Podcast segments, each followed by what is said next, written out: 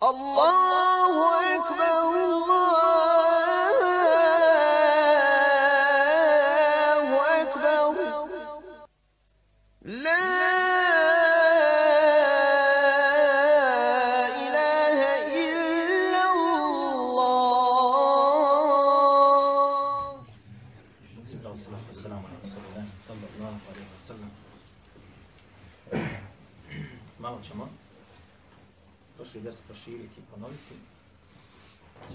informacije staviti unutra. Jer većina vas nije bila prošli puta zbog lošeg vremena koje je bilo. Se tako može da kaže. Braćo, onaj, 1917. godine, 2. novembra 1917. godine, odlukom ministra vanjskih poslova Britanije koji Balfour je dodijeljena Palestina židovima. Odnosno, dodijeljena je ta zemlja za naseljavanje židova u tom području. To je bilo tačno prije stotinu godina. prije par dana u decembru mjesecu 2017. ovaj Jerusalim je dodijeljen kao glavni grad te židovske države. Ono što je značajno tada kako se događaji događali jeste da je prije osvajanja Jerusalema od strane britanske vojske i od strane arapske vojske tim područjem vladala takozvana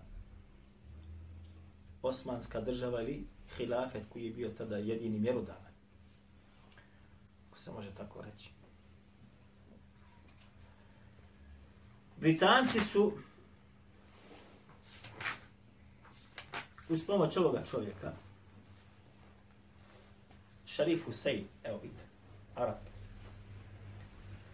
sklopili sa njim savez koji je bio namjesnik od strane Turaka u Hidžazu. Oni su, Britanci su sklopili sa tajnim službama, preko tajnih službi, sa njim su sklopili savez.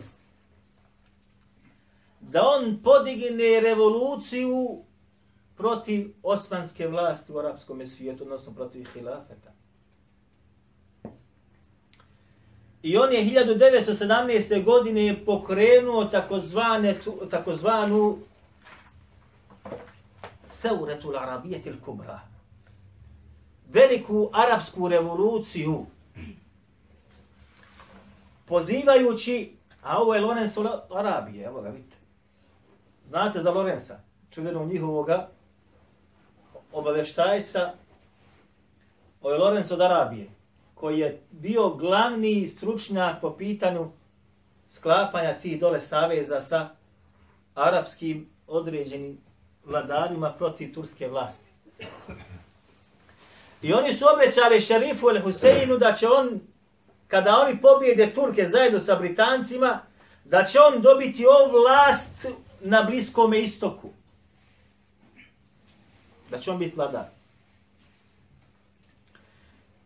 I mi bi mogli, imate u Jordanu jednu luku koja zove Akaba. U Akabi je bila čuvena turska flota stacionirana. A preko puta samo mora tamo je bila takozvana Britanska imperija, jer su oni tada već zavladali Egiptom. I nikad nisu mogli da potuku Turke na moru. Pa su sklopili savez sa šeri, onaj, šeri, onaj šerif El Husein, da on udari sa leđa na tursku vojsku. I obećali mu tako i tako. I tako je bilo i tako je uradio. 1917. godine zajedničke snage, britanske i arapske su ušle u prvo u Damask, a zatim posle toga u Jerusalem. Nakon toga dva britanska ministra, britanski ministar i francuski ministar, takozvani sporazum Six Biko, takozvani, kako oni kao na arapskom, ne znam kako se zove to, kako se kaže, Six Biko. Podijelili su arapski taj svijet između sebe. Bez pitanja Arapa. I Britanci su dobili između ostaloga Irak gore. Dobili su između ostaloga Palestinu na upravu.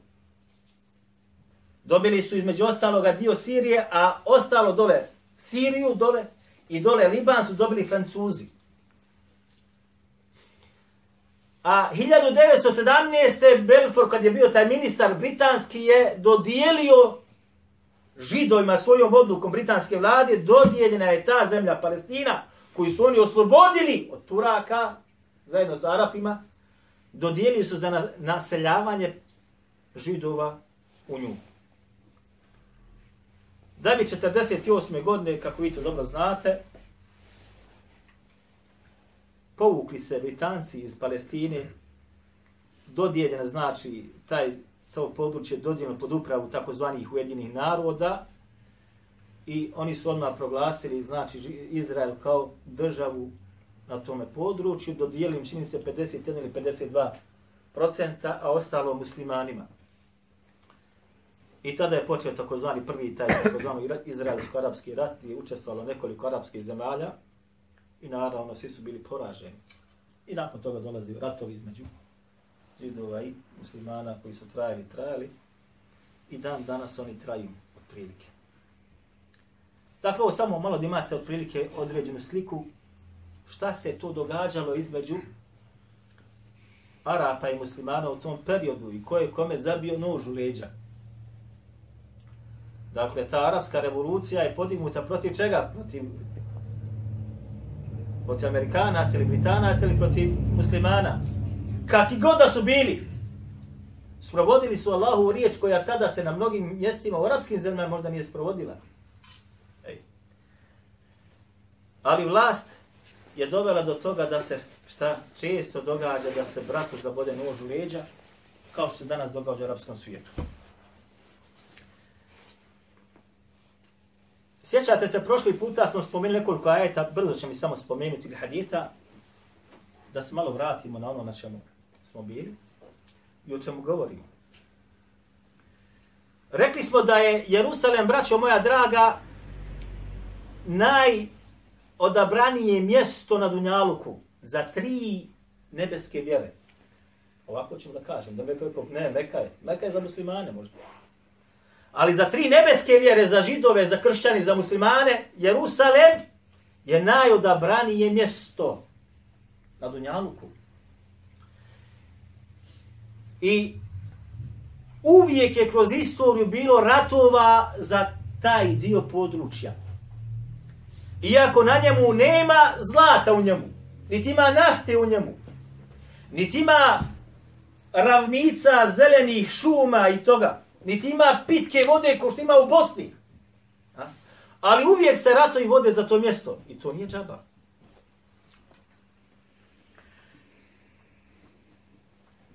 Sjećate se da smo rekli da je Allah Đelešanuhu jezikom Musa u Kur'anu pojasnio objavio. Da je Musa rekao svome narodu ja kom idhulul ardol muqaddesete leti kataba Allahu olakum. Uđite, kaže, u zemlju koja je šta? Mukaddese. Sveta i koju je vama Allah Đelešanu nju propisao ili obećao da će biti vaša. Kada na drugo mjesto se vratite u Kur'anu, kaže Allah Đelešanu, udhulu l'babe suđeda wa kulu hittatun lekum hatajakum wa senazidu l'muhsinin. فبدل الذين ظلموا قولا غير الذي قيل لهم فانزل على الذين ظلموا رجزا من السماء بما كانوا يفسقون Kad budete ulazili u taj grad, Jerusalem kaže uđite šta ponizno. Ponizno kroz vrata Jerusalema kad budete ulazili. Qulu hittatun i recite tvoj oprost tražimo naš gospodaru. Naghfir lakum khatayakum Mi ćemo sve grijehe oprostiti, kaže Allah. فَبَدَّلَ الَّذِينَ ظَلَمُوا قَوْلًا غَيْرَ الَّذِي قِيلَ لَهُمْ Pa su oni koji su bili kako ne treba od Musa ovog naroda. Nisu bili čestiti vjernici. Pokvareni, bolesti, munafički srca. Zamijenili tu riječ sa jednim samo slovom koje Allah nije njima objavio da to urade. Gajra ladi qila lahum. Pa se zbog toga Allah Želešano nja kaznu veliku poslao. Koja je riječ? Kaže Allah, reste hitta. Reste samo šta oprost svoj gospodaru i budite polizni kad budete ulazili kroz kapi. Oni su rekli himpa. Dodali su samo nun. Nun su samo dodali. A to znači pšenica. Vrsta pšenice. Najbolja vrsta pšenice. Himpa, himpa. Kad su ulazili, tako su to govori, ismijavajući se sa Allahom, sa njegovim poslanikom i sa vjerom. Pa je Allah Đelešanu na one koji su to radili poslao šta? Strašnu kaznu. A rič za mine semei iz, iz, iz nebesa. I makanu je vsokun, zbog toga što su to uradili i to Allah Đelešanu nazva fiskom. Fisk nekad može da bude kufr, nekad može da bude veliki grijeh. U ovom slučaju je bio kufr ili nije bio kufr? U ovom slučaju je smijavanje. I ovo je smijavanje. Reci, samo slovo su dodali, ali slovo mijenja značenje i ispadne šta? Ismijavanje sa propisom kojim Allah Đelešanu naređuje. Dakle, iako je to mjesto sveto, iako je Musa rekao da uđu u njega, i kako da uđu u njega, oni su uradili što su uradili. Zato to mjesto nije bilo šta propisano da njima ostane u njim rukama. I kao što znate, da je to mjesto nakon vremena postalo kršćansko, a zatim nakon vremena postalo u rukama muslimana zbog svega onoga što su radili jedni i drugi, a zatim je došlo u ruku onih koji su bili najbolji vjernici tada na Dunjaluku. I ono oslobođen vremen Omera radijallahu anhu. Dobro. Također smo spomenuli da na jeziku Muhammeda sallallahu alaihi wasallam je Allah opisao i rekao Subhanallazi esra bi abdihi lejlen min al masjid al haram ila al masjid al aqsa alladhi barakna hawlahu. Neka je slavljen onaj koji je svoga roba u jednom dijelu noći lejlen prenio iz masjidul harama u masjidul aqsa čiju smo, kaže Allah Đelešanu, učinili da bude puna bereketa. Pa smo rekli da imam sujuti kada je komentarisao između ostalog ova ajet ovo. Alladhi barekna haulehu rekao Allah je ovdje opisao bereket koji se nalazi oko Jerusalema. A sigurno je kaže bereket u samome Jerusalemu šta? Mnogostručno ili mnogostručan, daleko, daleko šta? Veći.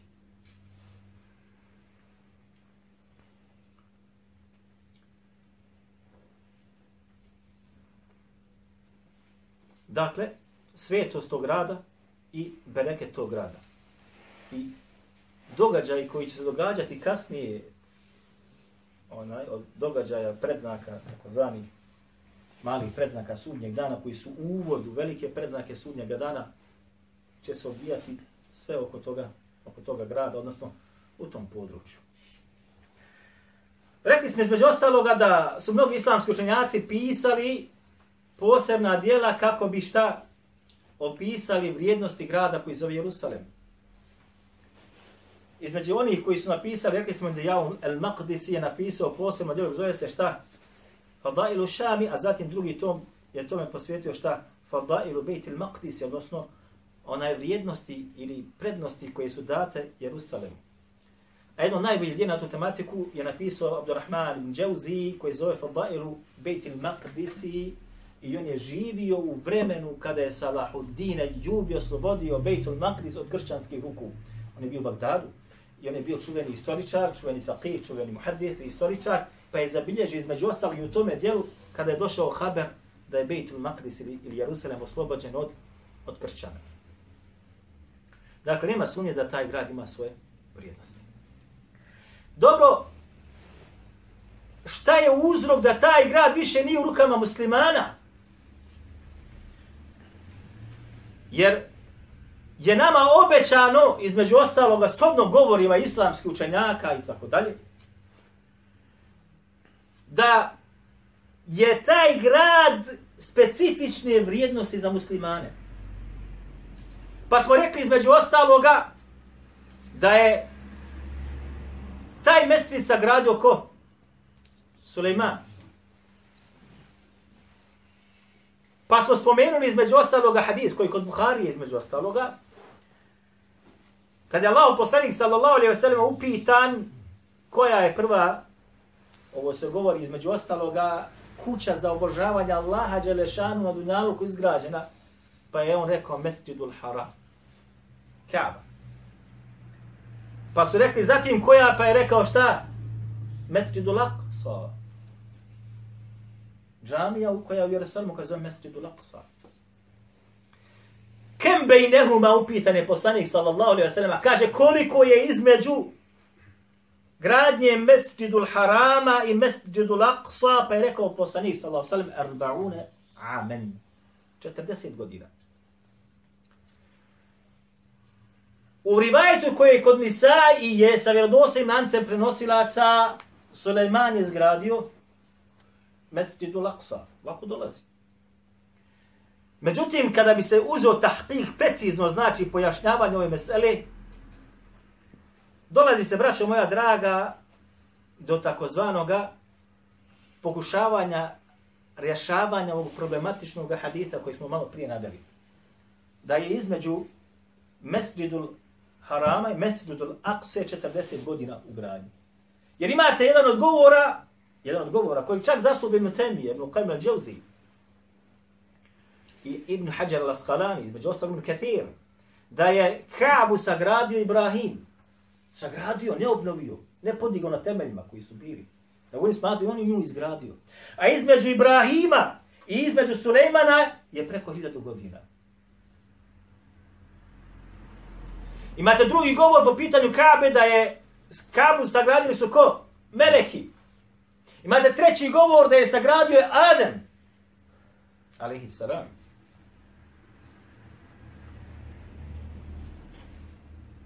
Dakle, razilaženje kod islamskog, a nema ni jednog šarijetskog teksta gdje stoji da je sagradio ili Meleki, ili Adem, ili Ibrahim, alihi salam.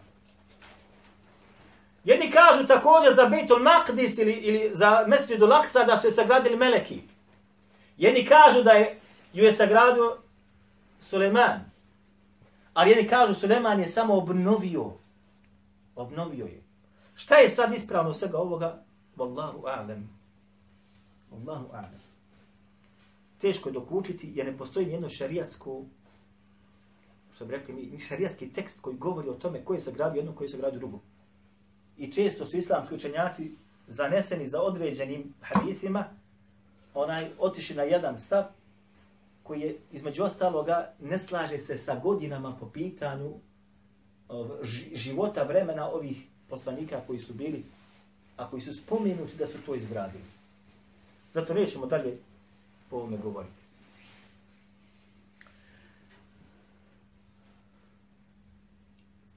Druga stvar, Rekli smo da je Allah Đelešanu poslanika sallallahu alaihi wa sallam u jednom dijelu noći prebacio iz Mekke, iz Mekke u Jerusalem. A zatim ga iz Jerusalema, iz Mesjidu Laksa, podigao u nebeske svodove. I objavio mu najuzvišeniji ibadet tjelesni, a to je šta? Namaz. I rekli smo, mogu Allah subhanahu wa ta'ala da ga podigne iz Mekke, ali ga je podigao odakle? Iz Jerusalema iz Mesjidu Laksa. Na jedan događaj kojeg Mu'tezile nije čuo skroz. Mu'tezile nije čuo mi'rađ, postojanje čega mi'rađa. Uspinjanje poslanika sallallahu alaihi wa sallam u nebeske sfere. Oni to nije čuo. Zašto? Kada to je posvađano sa razumom. I kad nemam nijednog dokaza u Kur'anu. Oni ne nije čuli Isra, da je prebačen poslanik sallallahu alaihi wa sallam iz Mekke, u, ali nije čuo šta? Mi'rađ uspinjanje poslanika sallallahu alejhi ve selleme na mjesto gdje je Allah Đelešanu poslaniku sallallahu alejhi ve selleme između ostalog šta naredio namaz. Oni to nije čuo. Iako rivajete gdje? Kod Buhari u njegome, njegome sahihu. Zatim između ostaloga vrijednosti tog grada ali te džamije, jeste da je poslanik sallallahu alaihi wasallam nakon naredbe o namazu i kad se čak i selio Medinu, okretao se prema gdje? Prema mesjidu Laksa u svome namazu. I to je činio, kako smo rekli, koliko 16 mjeseci i nekoliko dana ušao u 17. mjesec. Okrećući se gdje? Prema mesjidu Laksa, nije prema Kabi. Što sve govori šta o važnosti tog grada i džamije koja se nalazi u tome gradu. Zatim se spomenuo hadis koji ćemo malo da opširnije protumačimo. Koji bilježi imam Ahmed, bilježi ga Budaud, bilježi ga imam ovaj, bilježi ga u šoban imanu, bilježi ga ovaj, Bejheqi, koji je vjerodostan, između ostaloga, u najmanju ruku sa Hasan, ali šeha Albani ga ocenu sa Sahihom i ostali. Je Allah poslanik sallallahu alaihi wa sallam rekao između ostaloga yushikul umemu en teda alaikum teda al ekelete. Kaže, uskoro će se, kaže, pozvati na vas narodi. Pozivat će jedni druge. Pozivat će jedni druge. kao kada se pozivaju na hranu da je pojedu. Kao kad se pozivaju na hranu da je pojedu. U komentarisanju tamo imate sada kaže, to je, kaže, takva vrsta hrane koju nema niko da čuva. Niko je ne brani, niko je ne čuva, niko ne štiti. Znači, ko hoće može doći da jede. Ko hoće može doći da jede.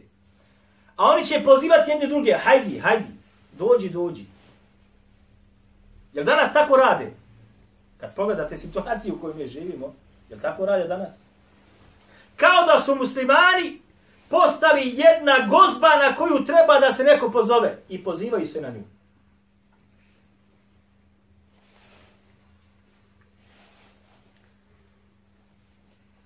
Kale qailun, pa je rekao, ovaj hadis dobro Taubana, pa je rekao qail, ili onaj čovjek je neki rekao, kaže men qilati nahnu jevme idin u rivajetu min qilati bina jevme idin kaže Allah poslanice jer zbog toga što će tada nas da bude šta? Malo. Malo. Ja sam se braćo moja draga između ostaloga mi smo govorili o broju ashaba u ono vrijeme, je tako? Precizno se zvratio na umeselu. Broj ashaba po govoru islamskih učenjaka nije prelazio 124.000 maksimalno.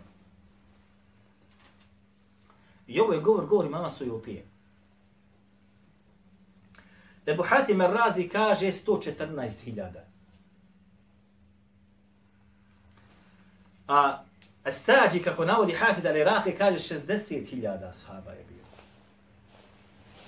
A rekli smo prošli puta definicija ashaba jeste ashab je svaki onaj koji je vidio poslanika sallallahu alaihi wa sallam, primio islam, vidio poslanika sallallahu alaihi wa sallam. I naravno i zatim da umre na tome. Kao musliman. Ne koristi ništa što si ti bio ashab, a umro kao nevjernik. Ne boji se ashabom. Dakle, da je vidio poslanika, primio islam, vidio poslanika sa osaleme i umro kao musliman. Smatra se ashabom. Dakle, maksimalna brojka 124.000. Vratio se na djelo od Hafida ibn Hajar al-Skalanija. Al-Isabe fi temizi as-sahabe. Ja Hafid ibn Hajar al-Skalani pokušao u tome djelu da sabere sve imena i prezimena ashaba koji su i gdje spomenuti. Da li kroz istorijska djela? da li kroz, istorijsk, e, kroz hadijska djela. Ili ono što se nalazi u tefsiru, ali opet vezano za hadijske dolaze preko lanaca prenosilaca. I broj ashaba u tom njegovom djelu prelazi preko 12.000. Mogu točno reći, imam tu popisano sve. Broj ashaba prelazi preko 12.000.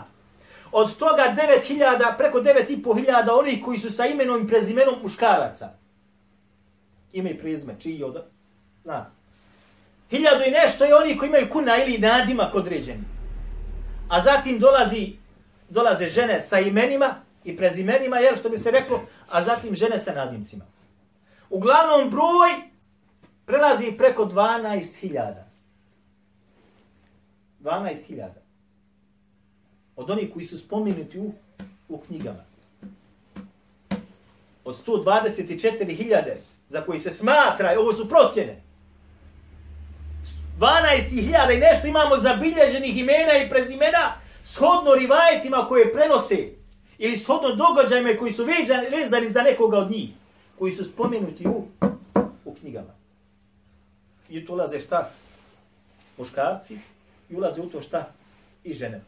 I u to ulaze također i određena djeca koja su kao poput Abdullah ibn Mesuda, koji tad nije bio Abdullah ibn Omera između ostalih, koji nisu bili odrasli, veoma odrasli ljudi. Abdullah ibn Omer u stvari. Dakle, broj ashaba nije tako velik bio. Hajde da bude eto 124.000. Od 124.000 od toga imate šta? Odmah uzmite šta? Jednu trećinu, recimo, žena, djece, koji nisu bili sposobni za borbu. I staraca.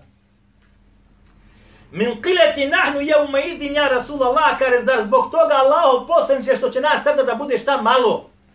Jer su oni smatrali tada tih nekoliko desetina hiljada oružani, što bi se reklo, smatrali su sebe šta? Da ima mnogo.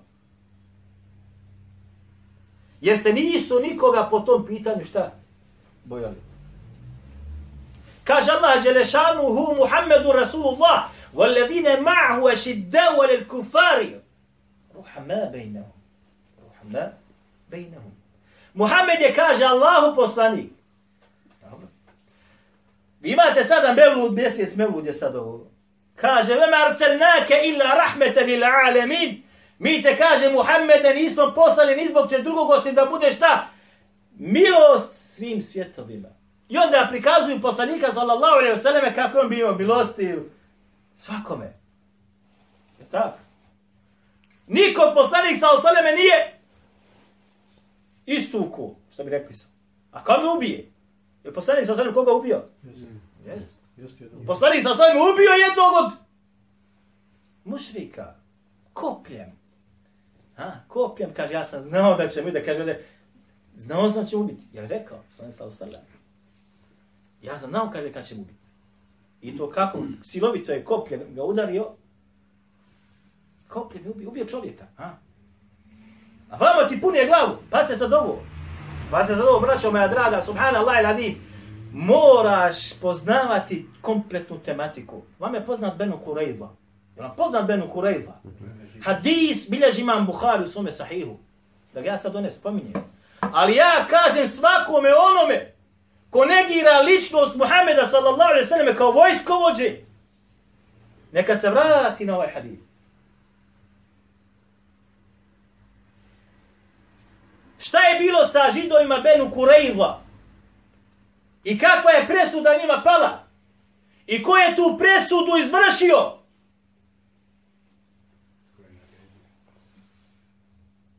Ko je odobrio ovako ću ja reći? Jer je Sa'd ibn Mu'ad presudu donio. A poslanik sallallahu alaihi sallam rekao presudio si presudom onom ko, onoga koji između iznad, iznad sedam nebesa.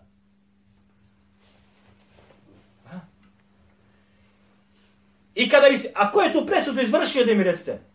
Tabeini. Četvorica imama, Ebu Bel, ha? Četvorica imama, Ebu Hanife, Mali, Šaf, jok. Tu presudu su izvršili ashabi. Kada vratite taj hadis na ono što su oni tad uradili, današnjom terminologijom koja je očito u svijetu bilo bi Muhammedun wa ashabuhu el irhabijun. Muhammed i njegovi ashabi su teroristi. Sallallahu alaihi wa sallam. Zato kaže Allah ovde, Muhammedu Rasulullah, Muhammed je kaže Allah poslanik. Valadine ma'ahu, nije samo stao na tome. A oni koji su kada sa njim, ko je bio sa njim? Ashabi. Ašidda'u alel kufari. Šta znači ovo ašidda'u alel kufari? Rahmetli prema, rahmetli je prema nevjernicima, milostivi prema nevjernicima, rahmetu lil alamin. Žestoki su prema nevjernicima. Nema pardona, bola. Ovo danas što imate, ovo je ono rahmetu li alemin što su muslimani danas. Danas su muslimani šta? O, milost prema svjetovima. On tebe nožem, a ti njega hljebom. Vidite šta nam radi danas u svijetu. I muslimani opet kažu, mi nismo teroristi. Ima li veći terorista od onih koji se bore protiv islama muslimana, braćo da? Ruhameu bejnehum, a kaže milostivi su između sebe jedan prema drugom, vjernik prema vjerniku. Ovaj ajet se je danas okrenuo. Da ovaj ajet danas se okrenuo. Muslimani su protiv muslimana ešide žestoki u borbi jedan protiv drugog. A ruhame sa kjafirima. A milostivi su prema nevjernicima. Pogledajte, subhanallah i ladim, ovo je četvrti kog ja pamtim. Četvrti kog ja pamtim. A, koji je dobio zlatnu ogrlicu od nevjeriških vladara, američkih. Sjećam se, prvo koji je došao Bush, dobio je zlatnu ogrlicu, koja vrijedi samo Allah zna. Pa je došao a, Clinton, dobio je zlatnu ogrlicu. Pa je došao Obama, dobio zlatnu ogrlicu.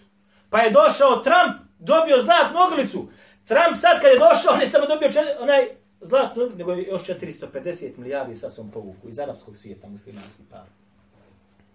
Nije prošlo mjesec dana, odnosno šest mjeseci nakon toga, on je proglasio Jerusalem glavnim gradom Izraela.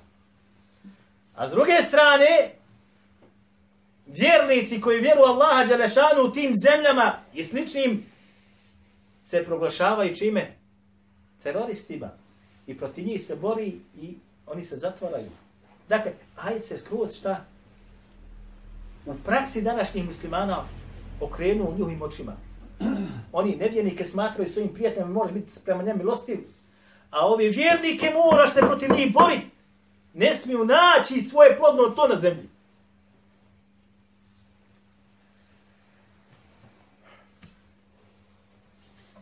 Ja juhen nebiju, kaže Allah Đelešanu, ja ejuhen nebij, džahidil kufare vel munafiqin, maglub alejhim. Subhanallah il Ovo braćo da je objavljeno nekome drugu, hajde, ali kaže Allah, je o vjerovjesniće, džahidil kufare vel munafiqin. Bori se, kaže, protiv nevjernika i protiv munafika. Vagluz alejhim. Šta je glilva? Šta je? Ja pre, u toj borbi prema njima, kad se budeš borbi, budi mehak. La. Kakav da budeš? Ha? Strub! To je govor Allaha Muhammedu sallallahu alaihi wasallam koji je rahmetu lil alamin, kako vi kažu, milo svjetovima. Jest rahmetu lil alamin. Vama rselnake ila rahmetu lil alamin. Nismo te kada poslao milost. Kad, kad treba da bude rahmet. Ali kada se Allahove granice krše, nema rahmeta. Vole u Fatima, kaže on, kad su mu došli da se zauzimaju za jednu ženu, samu uzeli. U sama njegov, od onih koji su bili njemu drage osobe, mladić. U sama Zaid. A Zaid ibn Harithe, šta je bio poslaniku sa Osaleme? Ha? Posinak bio. Pa je on volio u samu posebno. Pa kad jedna od žena ukrala, rekli su sami da se ide zauzimati kod Allahov poslanika sallallahu alaihi selleme jer se treba ruka da osjeće, jer je ukrala više od četvrtine dinara. Jer je poslanik sallallahu alaihi wasallam između ostaloga rekao, nema sjećanja ruku ispod četvrtine dinara. Zlatnog. 40 eura to vam je. S jednom računom, ja. 40 eura krup. Pa su došli da se zauzime da se ne osjeća. Ha, pa je rekao, Allah poslanik kaže, rasrdio se i rekao, oh, kaže između ostaloga, radite kao što su radili narodi prije vas, židovi, kršani. Ako ukrade bogataš, ne sjeci. Ako ukrade onaj koji je siromašan i slab, sjeci, kažnjavaj. To radite. Zatim se zakleo, kaže, kada bi Fatima bintu Muhammed sarakat, la qata'tu jedeha. Kad bi Fatima, čerka Muhammedova, ukrala, ja bi prema njoj bio milostiv, rahmetun ila alamin. Ne, ja bi njoj ruku osjekao, kaže. Milost kad treba, ali kad treba, nema. Pogledajte sad ove, imate dugi ajta kad vas spomin, ali ove ajto krije se od muslimana. Muslimani kriju od muslimana, ne smiješ govoriti. Između ostaloga, braćo moja draga, šeh Salah, jeste vi čuli za njega? Zove ga šeh, onaj, Mesud Lakse. Jedan palestinac. Jel zna nekog o tome šta? To je jedan od, od šarijatskih onaj, obrazovanih ljudi. Među ostaloga, šarijat je završio. Bori se, čita svoj život za taj Mesud Laksa. Nema šta mu židovi nisu radili. Koliko puta zato, sad je opet u zatvoru. I sad, zato kaže, zatvori ga zato što on ovaj, u svojim govorima kao on, onaj narod, huška protiv na nerede, na ubijstva, na ovo, na ono. I on kaže ovako njima, na sudu kad je bio, kaže, vi ne sudite, kaže meni. Vi sudite, kaže Kur'anu. Vi ne sudite, kaže meni. Vi sudite Kur'anu. I ja, kaže, govorim Allahovim govorom. A isto i vam dolaz danas.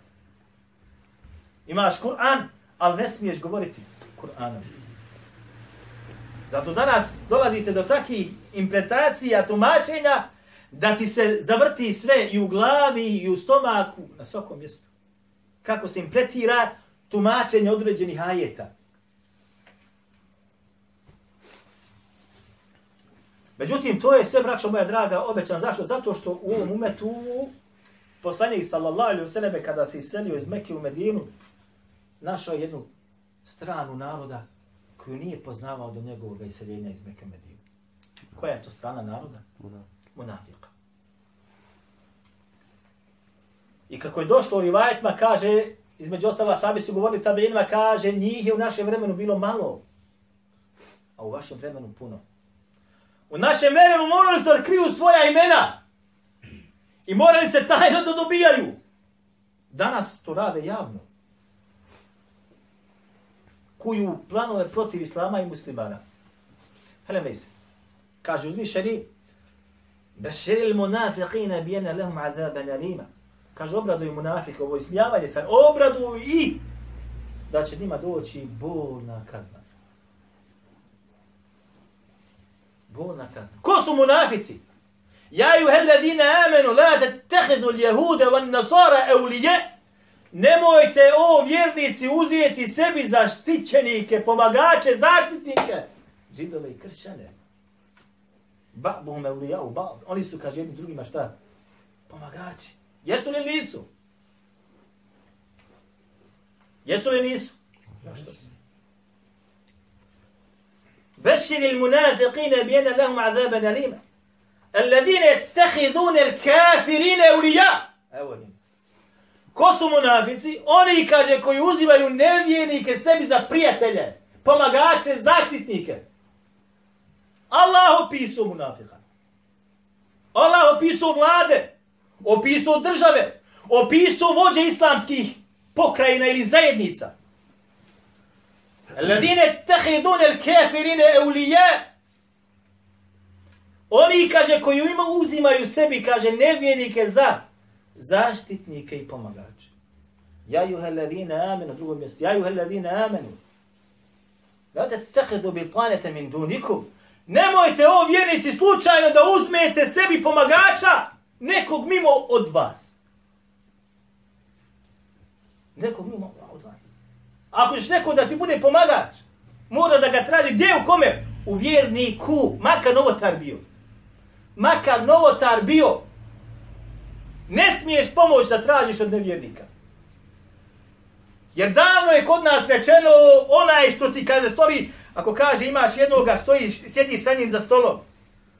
Sjediš, jedeš i piješ. A jednog imaš dole, kaže, u vreći, pod nogama. Onaj kaže što ti misli u vreći, to ti misli, kaže ovaj za stolom. Jel tako narod nas govori ovdje? Uzrat je to bilo popularno. Sad se o tom ne smije pričati. Jel tako bilo? To nas je vjera naučila tako. Alladine tehidun el kafirine ulija min dunil mu'mini. To su, kaže, oni šta? Ko su munafici? Oni koji uzmeju ka nevjenike za zaštitnike pomagače. A jer te indahum ul izze, zar kaže, traže ponos i čat i snagu kod njih. Kod nevjenika. A kod koga je to sve? Izzeta lillahi džemiha. A sva snaga pripada i čast kome? Kod Allaha ćeš je da nađeš. Odnosno, musola je danas kod umeta Muhammeda sallallahu alaihi wa usmjerena u pogrešnu stranu. Pogrešnu stranu je usmjerena.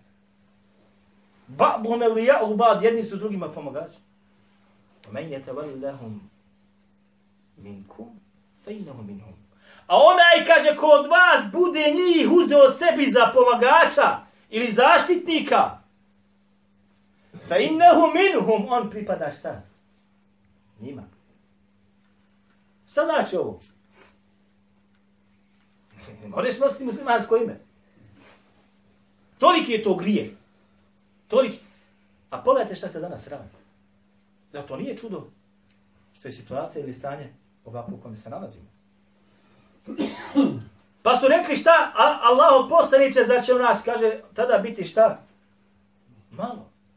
Je nemoguće da mi šta izgubimo. Ja sam ta spomenuo dijelo zječat Ustru glave. Zječat je ga. Gledaj sam dvije štame. Ustru glave koja nam visu Ibn Athir. Ibn Athir je umro 640. godine. Evo to dijela. Evo. Jer ovo je štampa Daru Fikr, a ovo je Daru Kutub Ilminje. On je unutra spomenuo biografije samo ashaba. Samo ashabe je spomenuo i njihov. Spomenuo je ovaj oko 7700 biografija je spomenuo. Nazvao je djelo šta šumski lavovi. Šumski lavovi. A, šta smo rekli. Dakle, oni su bili kao takvi, takvi su bili. Zar da mi budemo od onih na koje će se neko da sjati i da jede naše meso? Da naše žene siluje? Da našu djecu kolje? A mi živi?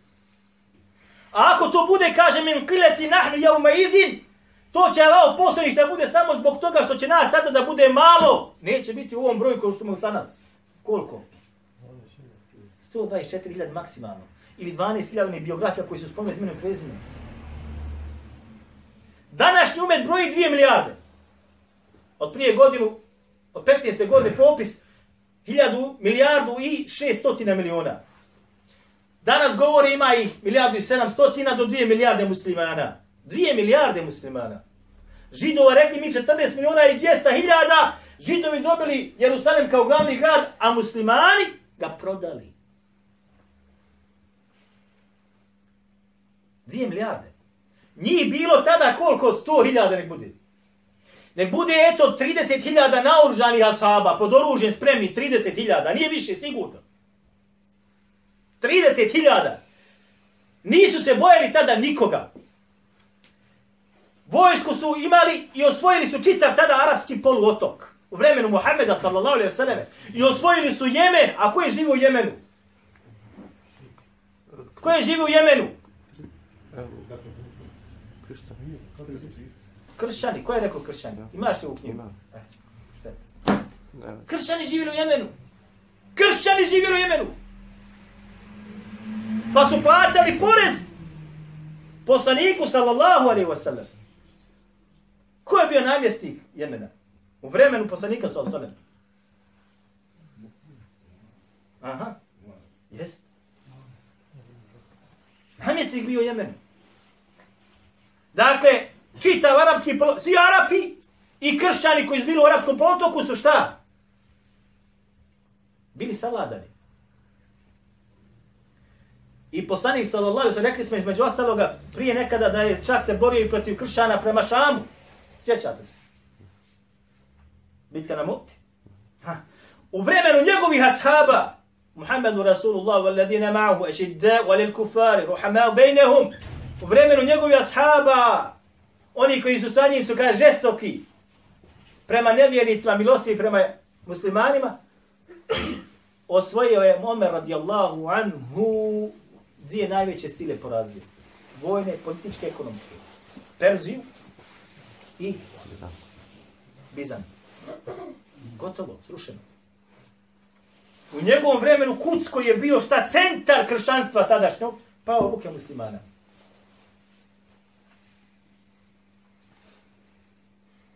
Sa tih nekoliko desetina hiljada boraca. Pa kaže poslanik sallallahu alejhi ve bel entum ya umeidin ketir. Naproti kaže vi ćete tada da budete šta? Biće vas mnogo. Danas nas ima eto što kaže 2 milijarde. Lakinnekum guthe, ke guthe is-sayli. Ali ćete da budete vi poput bujice. Vi ćete da budete poput onoga što se bude našlo na bujici. Kad dođe kiša, proljevo, kad, što kažu, onaj, kiša velikom količinom kada pada. I bujica kada dolazi, nosi sve pred sobom. Dva tumačenja ovdje ima. Jedni kažu, to je ono sve što kaže, pokupi ta bujica sa sobom. Najlone, kese, flaše, pivske flaše, da, pivske flaše, muslimana. Pivske flaše muslimana. Ha? Sve što on, on smeća pokupi gore na, u tom koritu, na toj vodi, pa se čalaka od onu obalu, od onu obalu, prevrće se, okreće. Poslanik sallallahu alejhi ve sellem je tako opisao muslimane da će da budu guta, e to je guta. Nikakve snage nemaš u sebi. Čmokom te malo dijete pukne, ne smiješ ga dirnuti. Jer židov će malo dođe sad, evo jedno židov će neka dođe bilo gdje u svijetu i neka uzme jednog od najučenijih ljudi i neka pukne čmokom, ne možemo ništa. Ne možemo ništa. Eto situacija kakva je došla. Jedni su rekli, šta jeste, kaže, kada dođe ta bujica nosi, znate, kada dođe prljavo sve, pa ona se pjena gore, kaže, na, na bebe. I napuši se, kaže, onaj balon. Sve prazno unutra. Uzmeš iglu, puk, pukne. Nema ništa, nema nikakve snage. Ali ovaj prvi opis daleko bolji, zašto? Zato što ga zastupaju veliki islamski učenjaki. Šta? Kad dođe bujica, sve nosi sa sobom. I ono što se nađe u toj bujici nema, volan nikakve snage nema. Jel tako ili nije tako? Autobuse prevrće ispred sebe. Ako ste gledali poplove kad ovdje, autobuse, kamione, auta, a da ne govorimo o flašama pijskim i ostalim. E, tako je poslanik sallallahu alaihi wa sallam opisao muslimane da će biti. Zatim kaže dalje, وَلَا يَنْزَعَنَّ اللَّهُ مِنْ صُدُورِ اَعْدَائِكُمْ إِلْ عَدُوبِكُمْ الْمَهَابَةَ مِنْكُمْ Allah će kaže iz prsa neprijatelja vaših istrgnuti strah od vas. El mehabe. Nije mehabbe. Mehabbe je šta? Šta je mehabbe? Šta je mehabbe? Ha? Ljubav. Ljubav. A mehabbe jeste šta? Da nemaš nikakvog straha. Allah iskino strah iz njihovih srca prema muslimanima. Zato dolazi na tu sofru. Jel ti kad odeš da loviš slava, da hoćeš da slava? da imaš automatsku pušku, imaš li strah? A šta misliš da ideš uspavanog glava da, da, da ga dođeš tam do njega i da ga upucaš? Nemaš praviš. E, taka je situacija. je umet islamski je poput tog uspavanog glava, a oni dolazili svi da na tebe. Međutim, to je još bolje opisano kao da se ti poput neke dobre gozbe i sofre i oni dolaze da se od tvoje meso, tvoj imetak, tvoje žene, tvoju djet da se gozbi. E tako dolazi.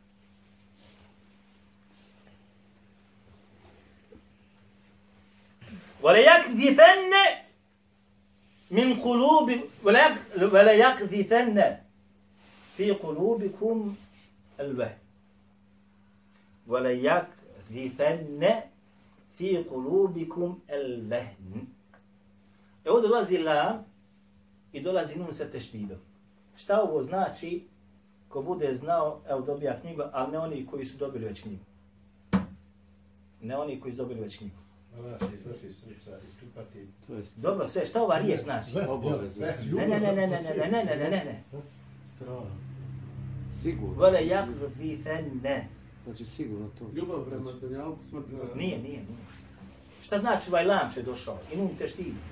Sa Biće to obavezno. sigurno. To će sigurno doći. Znači šta? 100% potvrda. Milijardu posto će se to dogoditi. Milijardu posto to će se dogoditi. Dva te, kida tako da dana bolazi. Jedan na početku, na kraju. Da je samo nun došao bez teždida, ogromna stvar. Još došao mu žedeš, da? I sigurno će, kaže Allah, u vaša srca da ubaci el vehn. El vehn u arapskom jeziku znači šta slabost? Da. Ali, kale qailun, pa je rekao, kaže, rekao Allah, poslaniće, ja Rasulallah, mel vehnu. Šta podrazumijevaš to sa tim vehnom? Šta je ta slabost? Prvo to onaj pitao gore, kad je rekao, hoćemo biti malo? Kaže, ne, bit ćete puno. A sad kažeš mi slabost. Negirao da će nas biti malo. Rekao da će biti puno. A sada kažeš da ćemo biti slabi. Kako to, subhanallah il adim. Zbog toga nisu to razumjeli ashabi, Allah poslanika sallallahu sallam. Jezički razumljivo. Ali, shodno govoru njegovom, kako je ono pisao, ne kontamo dobro. Ne uda da. Nismo dobro razumjeli Allah poslanić. Pa kaže Allah poslanić sallallahu alaihi sallam, el hubbu dunja. Hubbu dunja. Hubbu dunja. Ve kerahijetu mauti. El veh nam je, kaže, ljubav prema dunjaluku i mržnja prema smrti. Eto, imate li sada nekoga od nas da bi volio večeras da preseli? Ili sada preseli? S svojim djelima koje ima za sebe. Da mu je susret sa Allahom drag. Ako ima malo, ima sigurno. A imate nekoga od nas da razmišlja o tome šta će da napravi sutra, prek sutra ili u ovoj godini, šta će da izgradi ili sagradi ili šta će da kupi od motornih vozila. Ima se sigurno. I svako od nas sigurno odgađa sebi moment kama nije meni još vakat, nije meni još vakat. Da neko ti kaže, nije meni vakat, pa kontam ja još, kako kaže u mene mati, to zveho sigurno zna, kada je preselio Omer, Karamujić, ko od vas sjeća se Omera Karamujića? To je bio djed od Hadži Alije i Muje, tako? Kad je on preselio, Otac je... Omer, može otac onda. Omer je- Omer, ja, ja. Osman je, Osman je djed. Je. Tako je. Sad ja ne znam da li je Omer ili Osman u pitanju. O kome se radi. On je, kaže, preselio, a bio je jedan trgovac ovdje, Mustafa, čini mi se da je zvao. Oni su, kaže, bili parci. Parci u godište. A? Moguće, moguće. Kaže, kad je on preselio, kaže, on je rekao, eto, kaže, on preseli, a kaže, ja računam, kaže, još 20 godina da živim. Tako se osjećao, kaže. Kaže, ma, mati u mene kaže, 20. dan je umru. 20. dan je umru. Mustafa. Ima 53 godine ima. E. 20. dan je, kaže, umru. E, isto kod nas sigurno imamo, gradiš čoveče, gradiš sebi, gadi sebi drugi život neki, kod da ćeš još živjeti 100 ili 200 godina, subhanallah. Toliko si zauzeo, toliko projekata imaš u glavi, šta ćeš da napraviš? Hubu dunja. Voljeti dunjaluk. To je teško, braću, da nema govora. I šta? Mržnja prema smrti. Nije čovjeku drago da da preseli. Danas, braćo moja draga, juče u stvari, je u Gazi preselio, ubijen je jedan, da li ste čuli za to možda, da li neko čitao? Invalid. Invalid. Bez nogu. 2008. godine znači bombardiranje židovsko mu je oba dvije noga odnijelo. Iznad koljena. Juče je bio tamo, došao, svaki put je išao tamo na, na, na, na tamo gdje na, sati demonstracije tamo imaju, snajperista ga u glavu pogodio. Čovjek bez nogu je nešto pokušao da uradi. Ha? Dvije milijarde. Doći, rekli smo, prošle sedmice ona je kupio mu sliku u vrijednosti od 450 i nešto miliona dolara. 450 miliona dolara. Vladar od vladara u zaljevskim zemljama. 650 miliona dolara. Znači, prepuštena je stvar kome? Guse. Ono, onome što se nalazi gore na, na bujici, na bujici kada dođe. Dakle, otprilike, ako se varam, to je ono što smo trebali da... E, imam još nešto. Zaboravit ću. Imam još nešto. Na ovaj.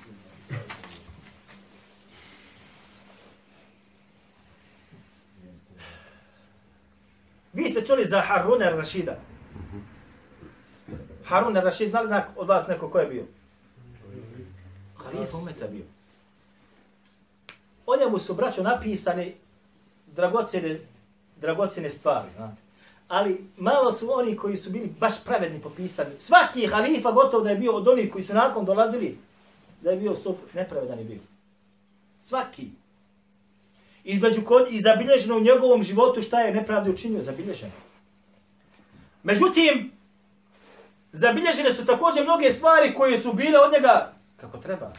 Za njega se kaže između ostaloga, kako kažu mu Arrehi, jedne godine je bi išao na hađ, a druge godine bi išao šta?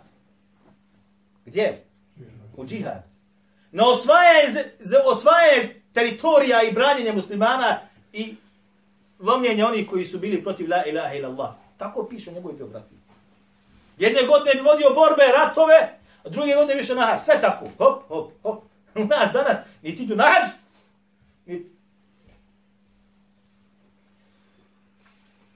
U njegovom vremenu, ovo bilježi između ostalog Ibn Kethiru el Bidal na Nihaju. Ja sam jedan put ono to donosio čitao. Mislim da sam donosio. Međutim, odlučio sam da pronađem učenjake koji su to zabilježili što bliže njegovom životu. I onaj koji je bio najbliži njegovom životu jeste imam Tabari. Koji umro u koje godine? Ko bude znao knjigu dobija ono. Imam Tabari čuveni učenjak, napisao jedan naj, najbolji tefsir, tefsir u Taberi. Nema ga iznad njega. Između nastalog napisao je on svoje djelo Tarihu Taberi. Istorija, ona je Tarihu Rusul del Muluk. Ili istorija poslanika i vladara. Do njegovog vremena, do 310. godine po Hidži, sve što je bilo od Adema, alaihi selam, do tog vremena sve je ustavio. Kad je umro? 310. godine po Hidžri. Dakle, nema knjige. Između ostaloga on u osmi tom, ako se ne varam, Samin jeste osmi tom, godina 180. po Hidžri u biografiji Haruna Rašida. Strana 307. A isto također, nakon njega je to napisao u svome djelu, čuvenom istorijskom djelu, onaj Abdurrahman ibn Džavzi, Muntazam, gdje je on između ostalog to zabilježio u devetom tomu, 138. stranica. A Ibn Džavzi je umro 597. godine po Hiži, Taberi 310. Ovo ovaj je kasnije. I vjerovatno on preuzeo od onoga što je Taberi napisao. Ja sam to gledao, otprilike slovo u slovo se uklapa. Muntazom je djelo veoma jako, veoma dobro. I među ostaloga, jedan važan govor on navodi kada govori o biografiji Ebu Hanife. Stoga preporučujem svim onima koji istražuju tu meselu i koji, da, da oni koji zna arapski jezik, da se vrate na ovo djelo, pogotovo na ono što on navodi unutra. To je, braćo moja draga, podaci unutra koji niko od bosanaca vjerovatno ne zna. E, između ostaloga, Jednoga dana je došao njemu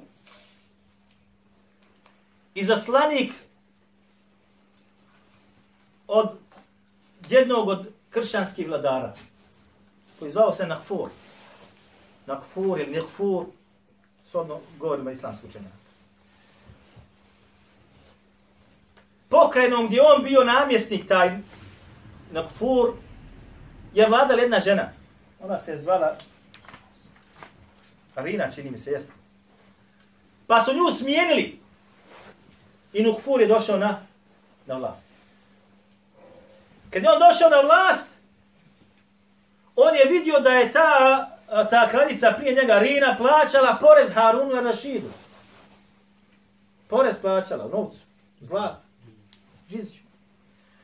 I on je seo na prijestu i napisao pismo i poslao po ovome konjaniku. Pa je donio konjaniku. Pa kaže, između ostaloga, kaže, od Nukfura Melika, kralja, kaže, Rimljana ili Kršćana, Harunu, kralju Arapa, ema ba'd, kaže, فإن الملي الملكة فإن الملكة التي كانت قبلي قامت كما قام الرخ kaže kraljica koja je bila kaže prije mene dala ti kaže mjesto kaže kaže uzvišeno na velikom si mjestu stepenu bio kod nje a sebe kaže stav na mjesto bejdak poniženost Tebe je, kaže, uzdigla, a sebe ponizila. فحملت إليك من أموالها ما كانت حقيقا بحمل أمثالها إليها pa ti je, kaže, plaćala porez koji si ti treba u stvari da plaćiš njoj. Ne ona tebi, nego ti njoj da platiš.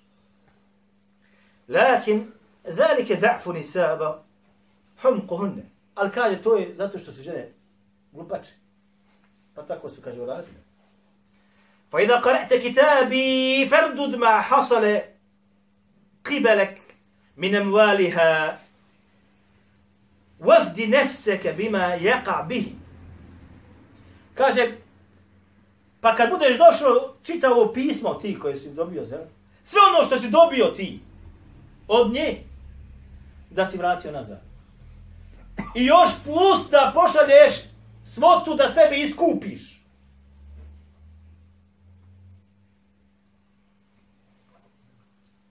Wa illa Fesejfu bejnena wa bejnek. Ako ne budeš to, kaže, uradio, između nas i tebe bit će sablja. Jer danas ovo radi muslimanima, vladarima, danas rade ovo. Nisu ovako strogi u ovim pjetnjama, ali sam da se pojavi, gotovo je. To znači to. Braćo moja draga, znajte dobro da zapadne zemlje dirigiraju ko će da bude princ, ko će da bude vladar, ko će da bude predsjednik u arapskoj muslimanskoj zemlji. Postavlja kad hoće, koga hoće, ali da ostaniš moraš platiti. Da ostaniš moraš platiti i novcem i uslugama. Pa kaže, između ostaloga kažu, toliko se je rasrdio Harun al-Rashid da ga nismo nikad vidi tako rasrđenog. Niko nije smio da pisne. Pa je rekao, okreni stranicu. Inače se piše pismo, kad dobiješ ti pismo, to ostane kod tebe. A ti dadneš da se napiše, da se... Aha, on kaže, ne, ne, okreni, kaže samo. Okreni stranu. Nema drugo da se piše. Kaže on ovako, Bismillahirrahmanirrahim. Min Harun, emir il-mu'minin, ili nakfur kelbi rumi. Kaže od Haruna, vođe vjernika do nakfura ovoga, nakfur, kelbu rumi. Pseta kršćanskog. Pseta kršćanskog. Pogledajte, vladara islamskog. Kad qara'tu kitabaka jebna kafira. Kaže, prošlo sa tvoje pismo, kaže, kršćanski sine. Odnosno, sine kršćanske majke. Ovo je ureda, braćo. Jebde kafira. Ovo da kao, to je uvreda, uvreda, uvreda, uvreda skroz. Nevjernički sine ili sine ne, majke nevjerničke i tako dalje. To je uvreda u arapskom jeziku, to je kao da si mu pred čitavim svijetom opalio šamarčinu i on mora sad nešto uraditi. والجواب ما تراه دون ان تسمعه والسلام kaže odgovor ćeš da vidiš prije nego što ga čuješ kaže selam odgovor ćeš da vidiš prije nego što ga čuješ. Neće ti doći ovaj pisar svojim pismom ja ću svojskom da dođem tamo.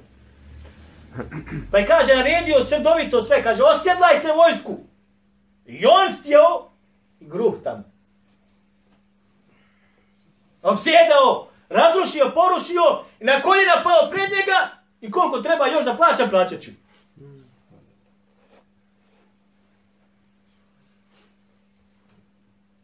Pa je pristao, kaže, nije stigo do reke, danas me ova reka u Siriji, kaže, on se ponovo odmetnuo. Pa je ponovo, mislio sad, otišao, nije se onda vraćan. A, vratio se opet.